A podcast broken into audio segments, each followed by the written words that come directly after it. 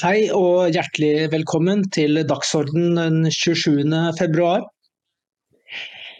I dag eh, skal vi snakke om eh, big tech og hvordan eh, teknologiske muligheter som nå oppstår, knyttes sammen med etterretningstjenester og statlige myndigheter, og utgjør en ganske skremmende trussel mot det som vi en gang tenkte som et demokrati. Og med meg til å snakke om dette her, pluss litt andre ting, har jeg Kristian Skaug fra Bari. Så velkommen, Kristian. Takk for det. Ja, vi, kan, vi, kan, starte litt forsiktig, da, hvis det går an å si forsiktig i denne sammenhengen. Men du skrev en sak i går om uh, hvordan NTB omtrent hyllet uh, Meta, altså eierselskapet til Facebook, fordi at de nå skal inn og operere i europeisk eh, tjeneste med å angripe såkalt desinformasjon, dvs. Si uttalelser som ikke stemmer overens med de EU-elitene osv. Og de skriver om dette på en meget positiv måte. og Eh, du, du, bruker jo sjelden sterke ord i din artikkel, Krista, men her merka jeg meg at uh, dette her uh, var noe som uh, du følte deg engasjert over. Du kan jo fortelle litt om saken. Ja, vår kjære redaktør mente jo at jeg var litt spydig, da.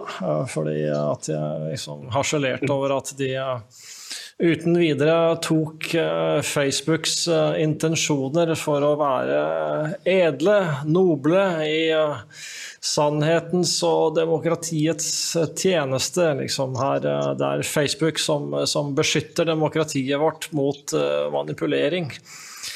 Og da, da ble man litt sånn oppgitt, fordi da da skjønner du jo at de største mediene i Norge de har jo overhodet ikke tatt inn over seg eh, hva slags påvirkningsmaskiner eh, disse store teknologiselskapene er blitt, og hva slags lyssky samarbeid de har hatt med, med myndigheter i Vesten. Og da Du vet, de som da, de som da leser uh, norske hovedstrømsmedier, de de blir jo da på en måte sensurert for en, helt fundamental del av, eh, av virkeligheten. Altså de, de, blir, eh, de, blir, lurt til å tro at de lever i uh, en annen verden enn den de rent faktisk gjør. Og det, dette syns jeg er, ja, det er, det er, skummelt, rett og slett. Så vi, vi, vet jo utmerket godt at da, da, Donald Trump vant presidentvalget i USA i 2016, så, så var det et forsmedelig nederlag for hele big tech, som da satte alt inn på at dette her skulle ikke gjenta seg. Fordi de var jo allerede på det andre politiske laget. Og når det på en måte uteblir fra norske hovedstrømsmediers eh, rapportering, og, og, og det blir sånn jeg vet ikke om de ikke har forstått det selv, eller om de altså, lever i den der liksom-verdenen selv, eller om de forsøker bare å, å, å lure sitt publikum. Så det er eh, Da blir det uansett litt uinteressant å lese dem, syns jeg. Eller man må jo gjøre det, da, bare for å gjøre publikum oppmerksom på at dette her er tull. Ja, det er jo det som er eh, på en måte nøkkelen her. Det kommer vi tilbake til. Det at mediene, eller eh, la oss kalle dem regimemedier eller hovedstrømsmedier eller whatever, de spiller jo på lag med, med myndighetene hvis de er på den riktige siden. Og Dette kommer vi tilbake til, men eh, nå så jeg at de la opp dette klippet om kunstig intelligens. Fordi at teknologien utvikler seg så raskt nå at, uh, at, det er så mange muligheter for å bruke dette her uh, på en ondsinnet måte. og det er uh, også noe vi kommer tilbake til. Men ikke sant? når kunstig intelligens overtar NTB, slik, slik Hans sa i går, altså, altså, det er kunstig intelligens som skriver artiklene for NTB. Da trenger du jo bare å programmere kunstig intelligens til å levere korrekte politiske holdninger. Da. Og da blir det jo vanskelig for vanlige folk som ikke De merker jo ikke dette her. En vanlig snekker eller butikkmedarbeider eller rørlegger, de tror jo det de hører på NRK og leser av NTB-meldinger i VG eller Dagbladet, hvor de nå leser, at det er sant, det er nyheter.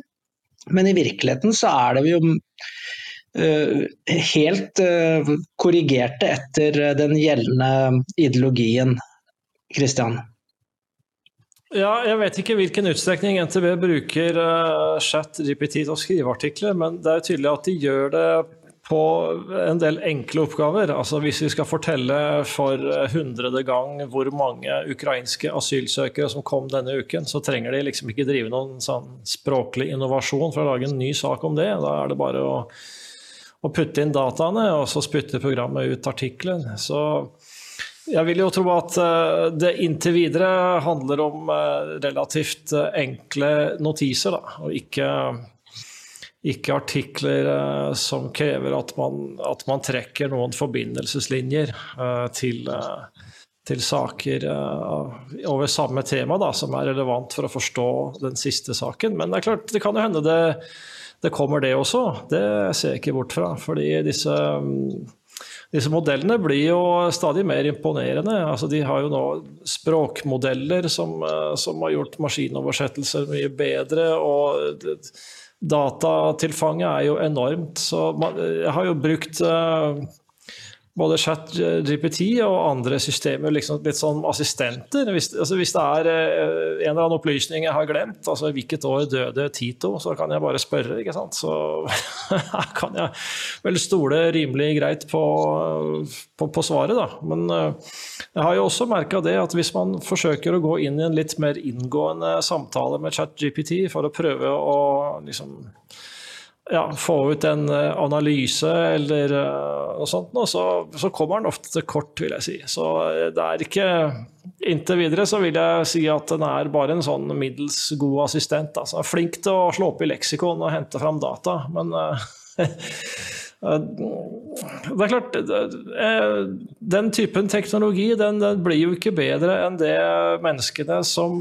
programmerer den, putter inn i den. Og Det gjelder jo da også hvilke evner den har til å trekke slutninger. Du må jo da kunne forutse alt eh, det en datamaskin i prinsipp skal kunne gjøre, da, selv om du ikke kan forutse resultatene av det. Så det blir kanskje vanskelig å få den til å tenke utenfor boksen. Da. Jeg ser jo at Nå er det snakk om at dette her skal kunne erstatte masse jobber. og var det, var det banker det var snakk om særlig? At, uh, det, det, er klart, Du kan sikkert ta alt du klarer å, å samle inn av kredittdata om en person, og så kan du måke de dataene inn i et program som avgjør om det er lurt å gi vedkommende lån eller ikke.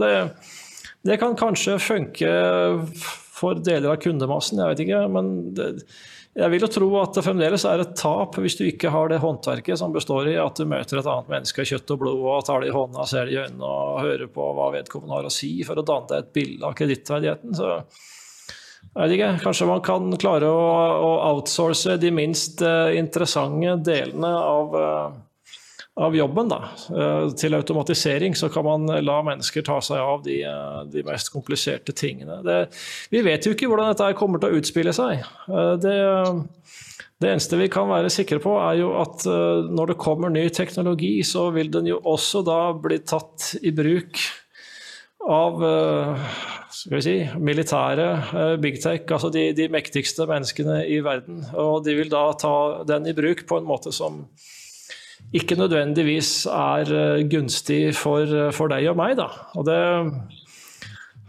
det, det, det, ser vi jo nå etter hvert, at, eh, at, denne teknologien på en måte brukes til å manipulere og overvåke oss og, og forsøke å erobre våre sinn. Og så det, det er viktig at folk er oppmerksom på. Jeg tror mange blir oppmerksom på det etter hvert. Jeg tror kanskje rørleggere også vil bli godt i stand til å skille en uh, artikkel skrevet av ChatGPT fra en som er skrevet av deg eller meg. Så, men uh, hva man sier, uh, vi lever i spennende tider.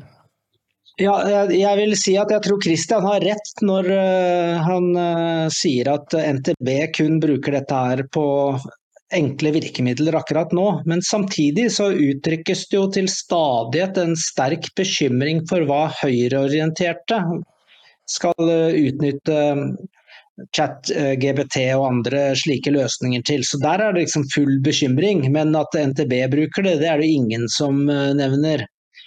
Så dette bringer oss da videre til neste sak, som eh, på en måte er eh, en eh, Det er egentlig en ganske sjokkerende nyhet.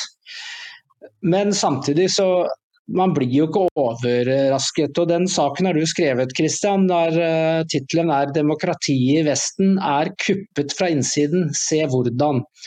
Og Der har altså Tucker Carlson uh, intervjuet en person som heter Benz, og som har jobbet i var det State Department, jeg husker ikke helt. Ja, og han, han, han, han, forklarer i detalj hvordan big tech er allierte med amerikanske etterretningstjenester, og hvordan det startet med at de ønsket å inn, ha innflytelse på utenlandske valg. fordi at hvis det var noen de ikke likte som var i ferd med å vinne et valg, så måtte de steppe inn for å sikre demokratiet, som de kaller det. Og Problemet var bare at dette er nå innført uh, innenlands. Og det er jo uh, ganske nøye beskrevet i over en times sending av han Benz. Du kan ta oss litt kort gjennom det, så skal vi diskutere det litt etterpå. Ja, altså dette er, uh, dette er jo for det første et tema som er så stort og så viktig at vi uh, ikke blir ferdig med det. Og uh, vi kan ikke regne med å kunne gi et skal vi si, utfyllende bilde av dette her ennå. Men altså det, det handler jo da om hvordan det amerikanske statsapparatet, som vi gjerne kaller dypstaten, altså forskjellige departementer i sikkerhetsapparatet, det utenrikspolitiske apparatet, uh, har da altså det, det, var, det, var, jo amerikanerne som fant opp internett, ikke sant? og det sprang ut av et prosjekt uh, tilhørende det amerikanske forsvaret. Og Det viser seg jo da at eh, flere av de uh, selskapene som i dag er store og mektige, de, de, sprang jo da også ut av det samme miljøet. Altså Google ble startet opp av, av to doktorgradsstudenter ved Stanford som var sponset av dette som heter DARPA. Altså det er Defense Advanced Research Project Agency. Altså det, og da da forstår vi jo at båndene mellom Forsvaret og eh, de fremste internettekspertene, dataekspertene, de var der helt fra starten. Og nå er det jo sånn at uh, Hver gang det kommer en teknologisk innovasjon, så er jo militæret de første som tar det med bruk. ikke sant? Og det, det er jo Vestens dominans bygger på dette her. At Vesten var først med uh, å uh, sant, skaffe seg herredømme til, til sjøs, i luften uh, osv. De var først med atombomben, og de var først med, med avansert datateknikk. Så at Forsvaret har tatt dette i bruk, er ikke noe, ikke noe rart. Uh, hvis, hvis, du kan, uh, hvis, du kan, uh, vinne en propagandakrig mot en fiende ved hjelp av, av, internett, så er det klart at det er jo mye smartere det enn å forsøke seg på slagmarken. Det er jo mye mer grisete. Så at dette er blitt et, et, militært og et politisk virkemiddel, det, det må ikke overraske oss. Det, det, og det, bør heller ikke overraske oss at amerikanerne har forsøkt å, å påvirke den innenrikspolitiske situasjonen i mange land. Altså, vi må huske på det at etter andre verdenskrig så fikk vi den kalde krigen. Og under den kalde krigen så, så forsøkte jo USA og Sovjetunionen å, å, skaffe seg eh, venner og allierte og, og øve innflytelse over land eh, i sin skal vi si, konkurranse for dominans verden, av verden. Og jeg er helt sikker på at de aller fleste i Sør-Korea i dag er veldig glad for at amerikanerne tok den fighten på den koreanske halvøya på, på 1950-tallet. Eh, et, et, mer interessant eksempel er jo um, det som Mike Benz nevner. Uh, det er når CIA uh, bestemmer seg for å prøve å rigge valget i Italia i 1948. Uh, altså, Hva skjer da? Uh, altså, da har vi to store partier som kniver om makten. Det er det kristelig-demokratiske partiet, og så er det kommunistpartiet. Og uh, CIA er jo bekymret for at Italia skal få kommunistisk regjering, så de gjør så godt de kan for å påvirke nei, italiensk opinion, altså via medier, via samarbeid med den katolske kirken, med, med mafiaen, med, med bakvaskelsesoperasjoner, på alle, alle triksene i boka. Og eh, valget ender jo med at Kristeligdemokratene får 48% oppslutning, og kommunistene 30 eh, sånn, Jeg tar dette etter hukommelsen. Eh, så, altså, det var i hvert fall en stor seier for Kristeligdemokratene. Og jeg mener, dette her var under den kalde krigen. Stalin levde fremdeles. ikke sant? Den italienske kommunistlederen Togliatti eh, var jo fremdeles på eh, altså Han var jo på Stalins lag. Det var jo først etter at Stalin døde at han eh, utviklet en mer skal vi si, vestlig orientert kommunisme, da, som ikke lenger var, var Moskva-tro. Så det er, det, er, vanskelig å, å, klandre amerikanerne for at de forsøkte å påvirke det valget i 1948, tror jeg. Altså det, det, var på en måte en del av den kalde krigen. Eh, så er spørsmålet, når du da begynner å bruke internett til å forsøke å fremkalle revolusjoner i de arabiske landene eh, rundt 2011-2012, eh, er det da fremdeles like legitimt? Det er jo et spørsmål. Eh, kanskje, kanskje ikke. Men når man da fra 2014 ca. Eh, begynner å bruke dette her eh, mot den delen av opinionen i Vesten som man på en eller annen måte ser på som truende, så er det klart at da er dette her blitt et maktovergrep. Og det, det som er det, det, fremragende ved Mike Benz, da, er at han klarer å, å gi et, en sammenhengende fortelling der alle brikkene faller på plass. Eh, historisk, eh, logisk. Eh, og han, han tegner da et bilde som vi liksom hittil bare har sett skal vi si, fragmenter av. Altså, vi fikk jo noen fragmenter med, med Twitter-files avsløringer av eh, Facebook. Eh, og så har det kommet litt sånn dryppvis hvordan man manipulerte f.eks. Hunter Bidens laptop. Men alt dette her er jo da bare noen få uh, eksempler på, på, utslagene av, et, av aktivitetene til et, et, apparat som er så kolossalt at det, at det, rent faktisk da har tatt styring over den offentlige samtalen i sosiale medier. Altså Alle vet at det er visse ting du kan si og ikke si. Eh, du, du, risikerer å bli avplattformet hvis du gjør visse ting. og dette her, det, det, er klart at det manipulerer jo vestlig opinion på en måte som er aldeles formidabel. Altså, du ble jo kastet ut av, av YouTube f.eks. hvis du forsøkte å si et eller annet som var i strid med det Verdens helseorganisasjon hadde å si om, om pandemien. Men det, det, er jo det er liksom ikke grenser for hvordan man kan misbruke dette her. Så den, den, eh, den, offentlige samtalen i Vesten er så grovt manipulert at vi kan ikke lenger kalle den fri. Og hvis du ikke har en fri offentlig samtale, da mangler en av de viktigste forutsetningene for at du kan kalle deg et demokrati. Og det det er jo da der vi er nå. At uh, dette apparatet, som da har forgreninger i uh, sannsynligvis alle Nato-land, uh, Five Eyes-samarbeidet mellom de engelsktalende landene, det, det, har grepet om seg på en måte som de aller, aller færreste har tatt inn over seg, har innsikt i. Og dette kommer til å utfolde seg. Vi kommer til å få vite mye mer om dette her. Etter hvert så vil det komme bøker om det. ikke sant? Men den mest sensasjonelle tingen Mike Benz sier, er jo at, at eh, den offentlige samtalen var rigget i den grad før det amerikanske presidentvalget i 2020 at det i praksis var avgjort i Trumps disfavør før det fant sted. Og det, det er jo eh, altså hvis, hvis, man har kuppet et amerikansk valg, ikke nødvendigvis da med, ved hjelp av falske stemmesedler, men ved å manipulere opinionen på måter som, eh, som, verden aldri har sett. Altså det her er snakk om en propagandaoperasjon som var så formidabel at, at folk kunne ikke forestille seg det engang.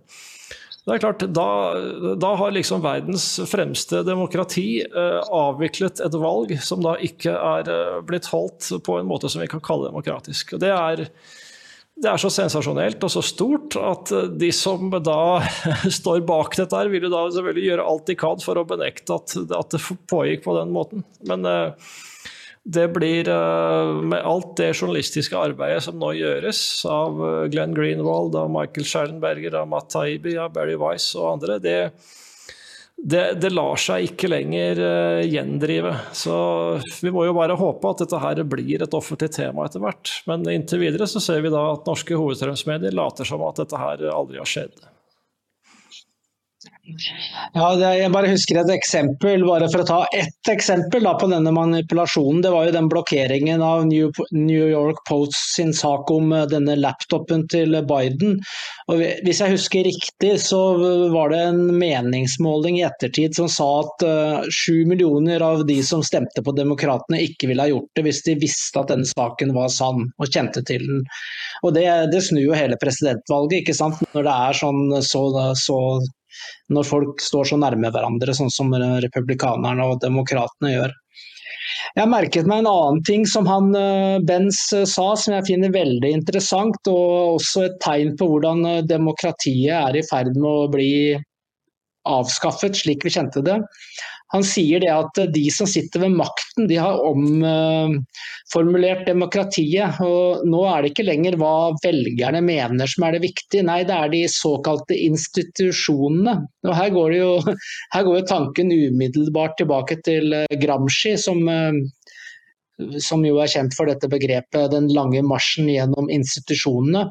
Og Den har jo vært veldig vellykket eh, for venstresiden eh, politisk i mange tiår. Det er jo slik, det er de som dominerer eh, absolutt alt. Eh, de er i ferd med å ta over det amerikanske forsvaret med generaler som snakker om white rage og LGBTQ-rettigheter og alt mulig.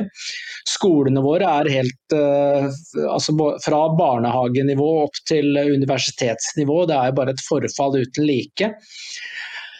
Og det er det, det, som skal beskyttes. For det er på en måte det, Hvis du tar det hvis du sier ja, i USA, da, så skal demokratene beskytte eh, der hvor de har eh, lykkes.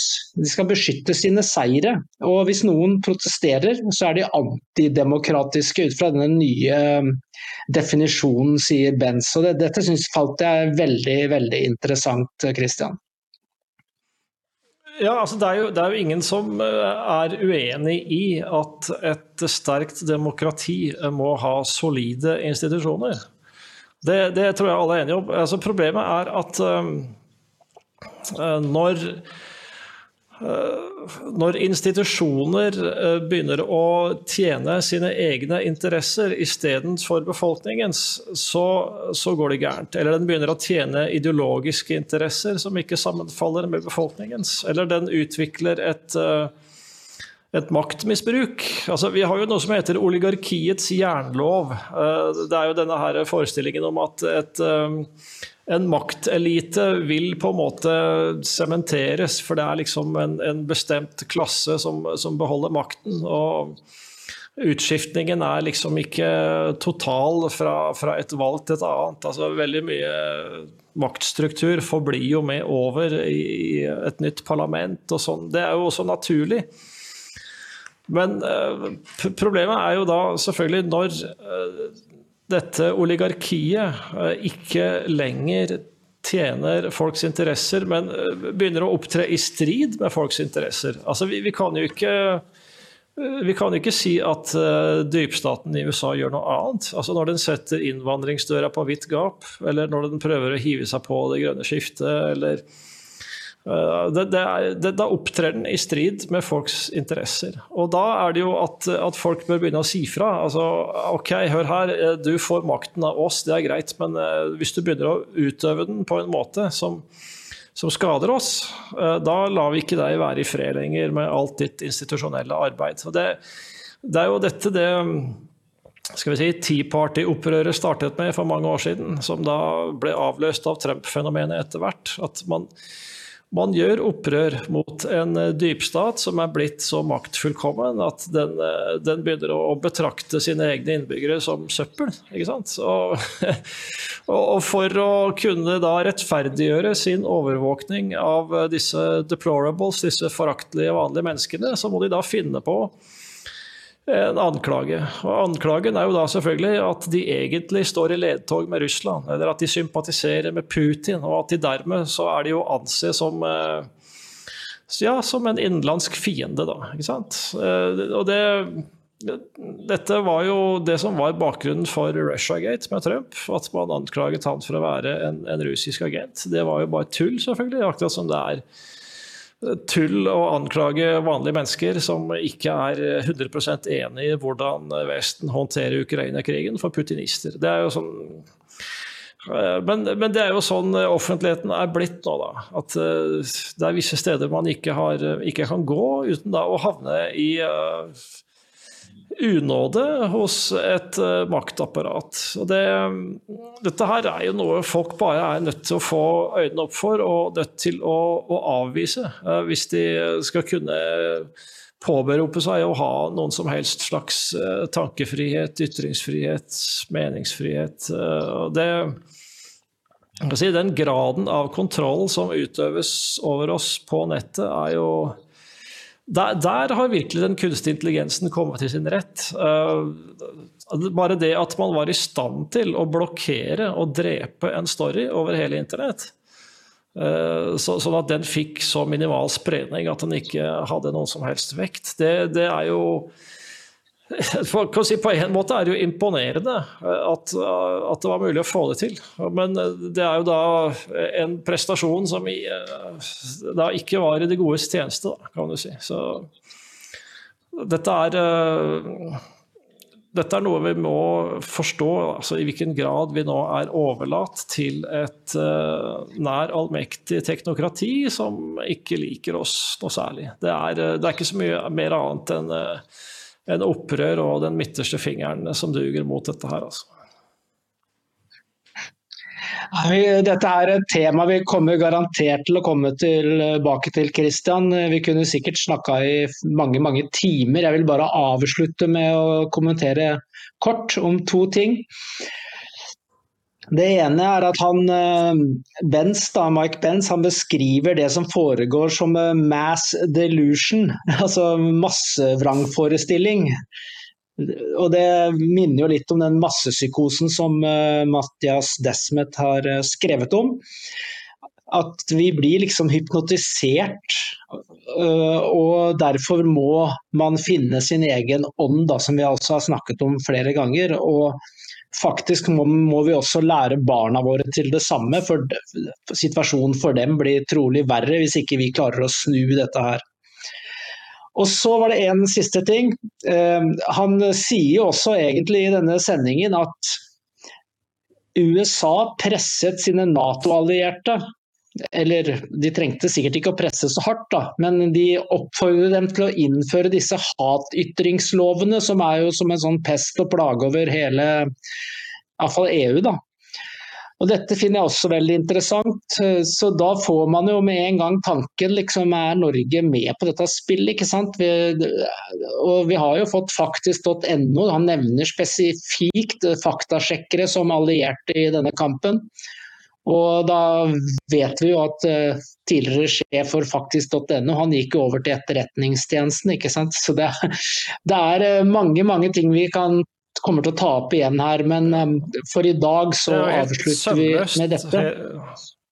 Ja, altså det, si, når dette skjer i Nato-regi, det er jo ingen som er overrasket over at det er amerikanere som bestemmer i Nato. Det, det tror jeg alle visste fra før. Men, men når man da får Nato-samarbeidet til å begynne å handle om veldig mye annet enn uh, å være en forsvarsallianse, så eh, kan man jo også spørre seg om ikke Nato er på ville veier, da. Når de da liksom forsøker å, å være et slags meningspoliti internasjonalt. Da da, da, bekjemper de faktisk demokratiet som de egentlig skulle forsvare.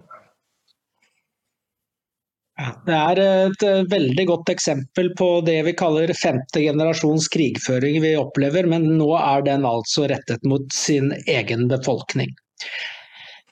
Vi kommer tilbake etter en kort, liten film. Hei! Vi i Dokument er glade for at du leser oss hver dag, lytter til dokumentradio og ser på Dokk TV. Redaksjonen produserer døgnet rundt. Og trenger både abonnement og donasjoner. Dokument er unikt i Norge. Vi er det eneste virkelig konservative mediehuset. Støtt oss på VIPS nummer 638941. Det Kent sa. VIPS nummer 63 89 41. 63 89 41. Eller bli abonnent.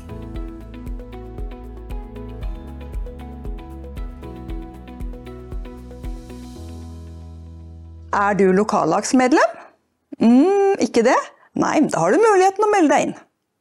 Velkommen til oss. Ja, Nato. Der har vi jo også Det er mye som skjer i Nato for tiden, med nye allianser, alliansepartnere osv. Og, og et av Nato-medlemmene er jo Frankrike. De har vel en litt spesiell avtale, hvis jeg husker korrekt, i forhold til Nato, men uansett. Han, Emmanuel Macron han har jo gått ut og sagt at uh, det kan ikke utelukkes at det skal sendes bakkestyrker til Ukraina. og Da begynner det å nærme seg dramatiske ting. Christian, hva syns du? Ja, altså Når han sier det, så, så, lurer man jo på om han er helt ved sine fulle fem. Fordi altså en en franskmann eh, som ønsker å, å, bekjempe Russland på slagmarken, vil jo uunngåelig bringe tanken hen på Napoleon, som prøvde på akkurat det og mislyktes. Så, eh, og Macron er ikke Napoleon, altså. Han har ikke det som da var eh, Europas sterkeste hær til, til disposisjon. Så det, det, det, virker som et helt uh, ubetenksomt utspill, som da Stoltenberg ser ut til å ha tatt ned bare noen timer seinere. At det er ikke aktuelt for Nato å sende soldater. Så, men altså, det er klart uh, Det er Hvordan man håndterer Russland i denne situasjonen, det er jo ikke noen enkel oppgave. fordi Altså, den, den, tradisjonelle måten å håndtere Sovjetunionen og Russland på, det var jo en blanding av avskrekking og beroligelse. Man avskrekket med egen styrke og beroliget ved ikke å, å blande seg altfor mye inn i Sovjetunionens uh, affærer. I dag så vet jeg ikke hva det er eh, erstattet av, men det å, å, å, legge press på Russland ser jo da ut til å være eh, et av de nye virkemidlene i verktøykassa. Altså Stoltenberg har jo sagt i lang tid at det er bare et tidsspørsmål før Ukraina blir medlem av Nato. Eh, jeg er ikke så sikker på om det er realistisk. Det er ikke sikkert Russland vil, vil finne seg i det. Og, men det, det, det, kan da, det, kan jo da, være et forsøk fra Stoltenbergs side på å skaffe Vesten et, et forhandlingskort vis-à-vis Russland da, den dagen eh, det før eller senere blir forhandlinger om hva som skjer her. fordi eh, Da kan man jo si det at ja, ok, vi trekker tilbake vårt ønske om å ha Ukraina i Nato, og så må du gi oss et eller annet. Så det er jo, det er jo mye, mye spill her, da. Det, det må jeg si. Men om, om, eh, om, de spiller kortene sine så veldig godt, det er jeg langt fra sikker på. Altså. Ja da, eh, Napoleon hadde jo på mange måter ikke så veldig stort valg, siden eh, han hadde, han hadde jo i starten et godt forhold til han Alexander som var tsar i Russland, men så plutselig så ble han alliert med fiendene til Frankrike. og dette gjorde at Napoleon på mange måter ikke hadde et valg. Men eh, det var jo en katastrofe. Han gjorde de samme eh, tabbene som Tyskland gjorde. Hadde ikke vinterklær. Han reiste vel med en hær på 550 000, og det var rundt 50 000 som kom tilbake. Så man skal være forsiktig med å angripe Russland, for å si det slikt, hvis man ser historisk på det. Men nå, NATO, nå skal jo Nato utvides. Altså, Finland er jo allerede blitt medlem, og nå har Sverige kommet inn i folden etter at uh, Ungarn endelig sa ja, da, etter en uh, trenering som uh, varte en stund. Og her Det diskuterte vi litt tidligere i dag. og Jeg fant en sak som Helene har skrevet for lenge siden om at de svenske fredsduene har blitt til krigshauker. Og det var når det var I løpet av noen måneder så gikk sosialdemokraterne i Sverige fra å si nei, vi skal aldri bli med i Nato, til at nå må vi bli med i Nato. og Bakgrunnen var jo selvfølgelig krigen i Ukraina. Men spørsmålet er for det første, hvordan kan et land endre en så langvarig nøytralitetspolitikk bare over natta? Det, det er veldig interessant. Og så er det Helena fortalte oss at når hun var soldat i Afghanistan, så ble hun jo utskjelt av svensker, for hun var en krigs, liksom krigsforbryter for USA og alt mulig sånn. Og plutselig nå så er alle tilhengere av Nato, som jo basically er USA. Så det er veldig, veldig merkelig. Så jeg veit ikke hva du tenker om disse holdningene, Christian. Hva skyldes det?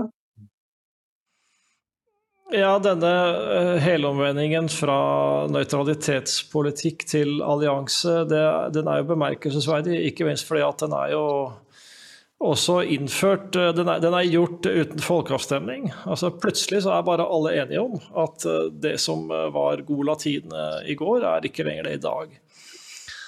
Og da, det, det første jeg tenker da, er jo at det du mente i går, var sannsynligvis ikke så veldig solid fundert sånn intellektuelt. Altså man bare var nøytral av gammel vane. Og det du mener da også dagen etter, er kanskje heller ikke så godt fundert. Altså, ok, plutselig syns alle er lurt å være i Nato, men uh, gjennomtenkt er det jo ikke. For dette her har jo uh, Altså, det, det, var jo nærmest over natten, ikke sant. At man skjønte at Nei, dette her, eh, nå må vi opp i nøytraliteten, dere. Og så har det jo vært minimalt med debatt. Og når, når eh, alle, eller nesten alle, uh, skifter mening 180 grader over natta, da Ja. Da, da, er det et eller annet som ikke er helt bra, tror jeg. Da er man på en måte grepet enten av en stemningsbølge, en frykt, eller man er manipulert, eller så Jeg vet ikke helt eh, Det, det er mulig at eh, svensker flest ikke har hatt så veldig våkent forhold til dette her. Da. Det, det, det kan være noe der. Jeg, jeg tror ikke en, en tilsvarende helomvending kunne skjedd like lett alle andre steder, for å si det sånn. Og så er jo eh, Spørsmålet er jo ok, hvem tjener på dette her? Um, Sverige kan jo si at nå er de uh, under beskyttelse av en stor militær allianse, og det kan jo føles behagelig siden de uh, jo ligger så tett mot Russland. Men hva i all verden tjener Nato på dette her, egentlig?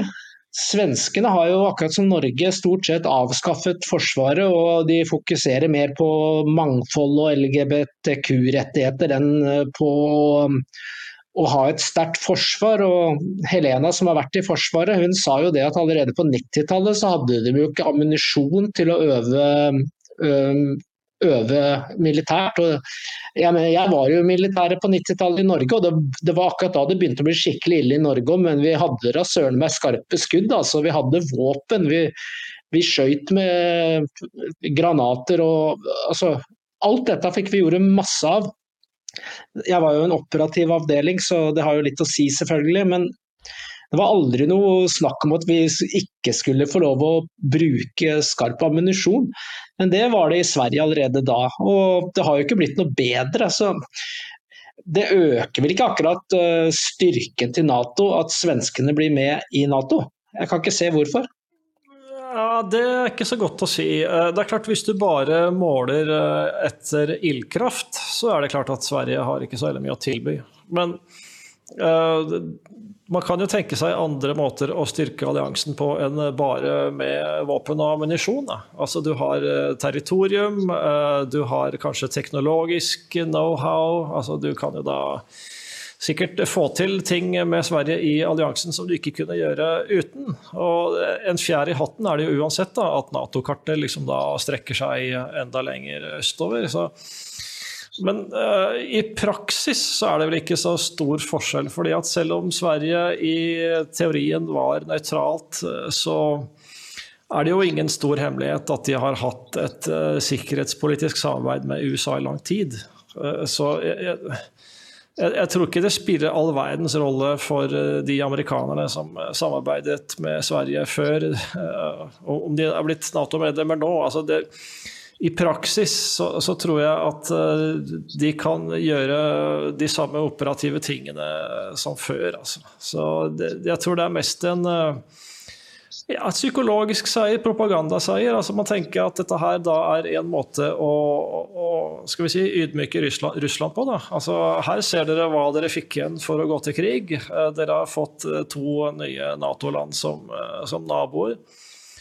Så det, det, er jo en psykologisk virkning man ikke skal undervurdere. Spørsmålet er jo om det er, om det er smart. Altså fordi eh, hvis svaret på dette her blir at, eh, at russerne nå stiller inn eh, noen atomraketter mot Helsinki og Stockholm, så er jo ikke det noe behagelig heller, selvfølgelig. Så, men da, da, er vi jo tilbake på liksom det, hele den diskusjonen. Hva burde ha vært den smarteste måten å forholde seg til Russland under Putin på.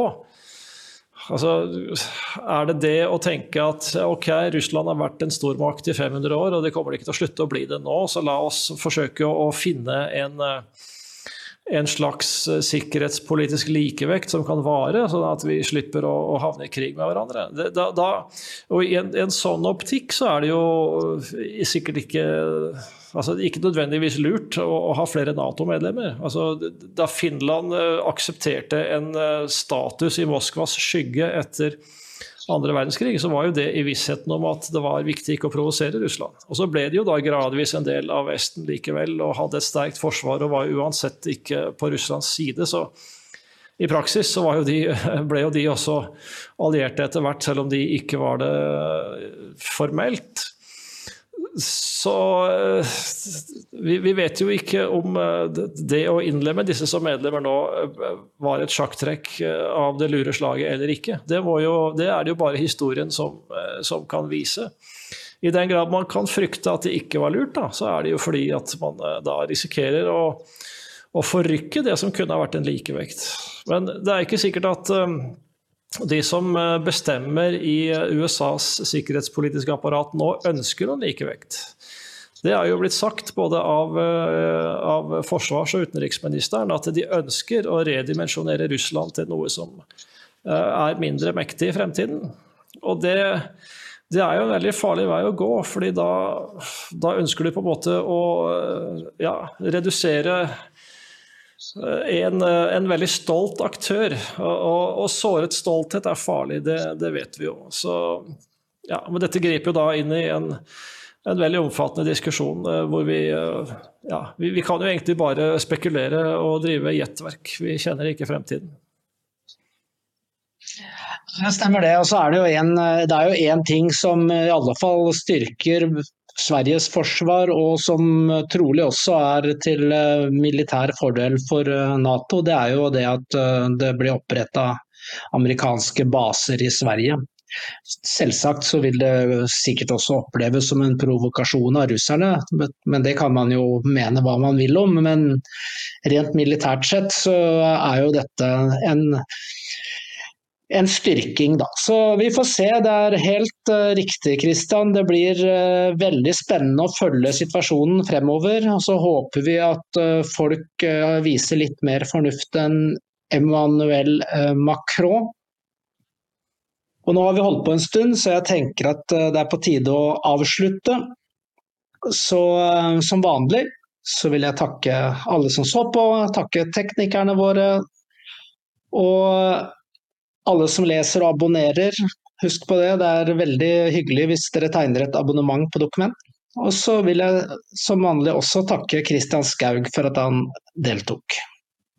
Selv takk.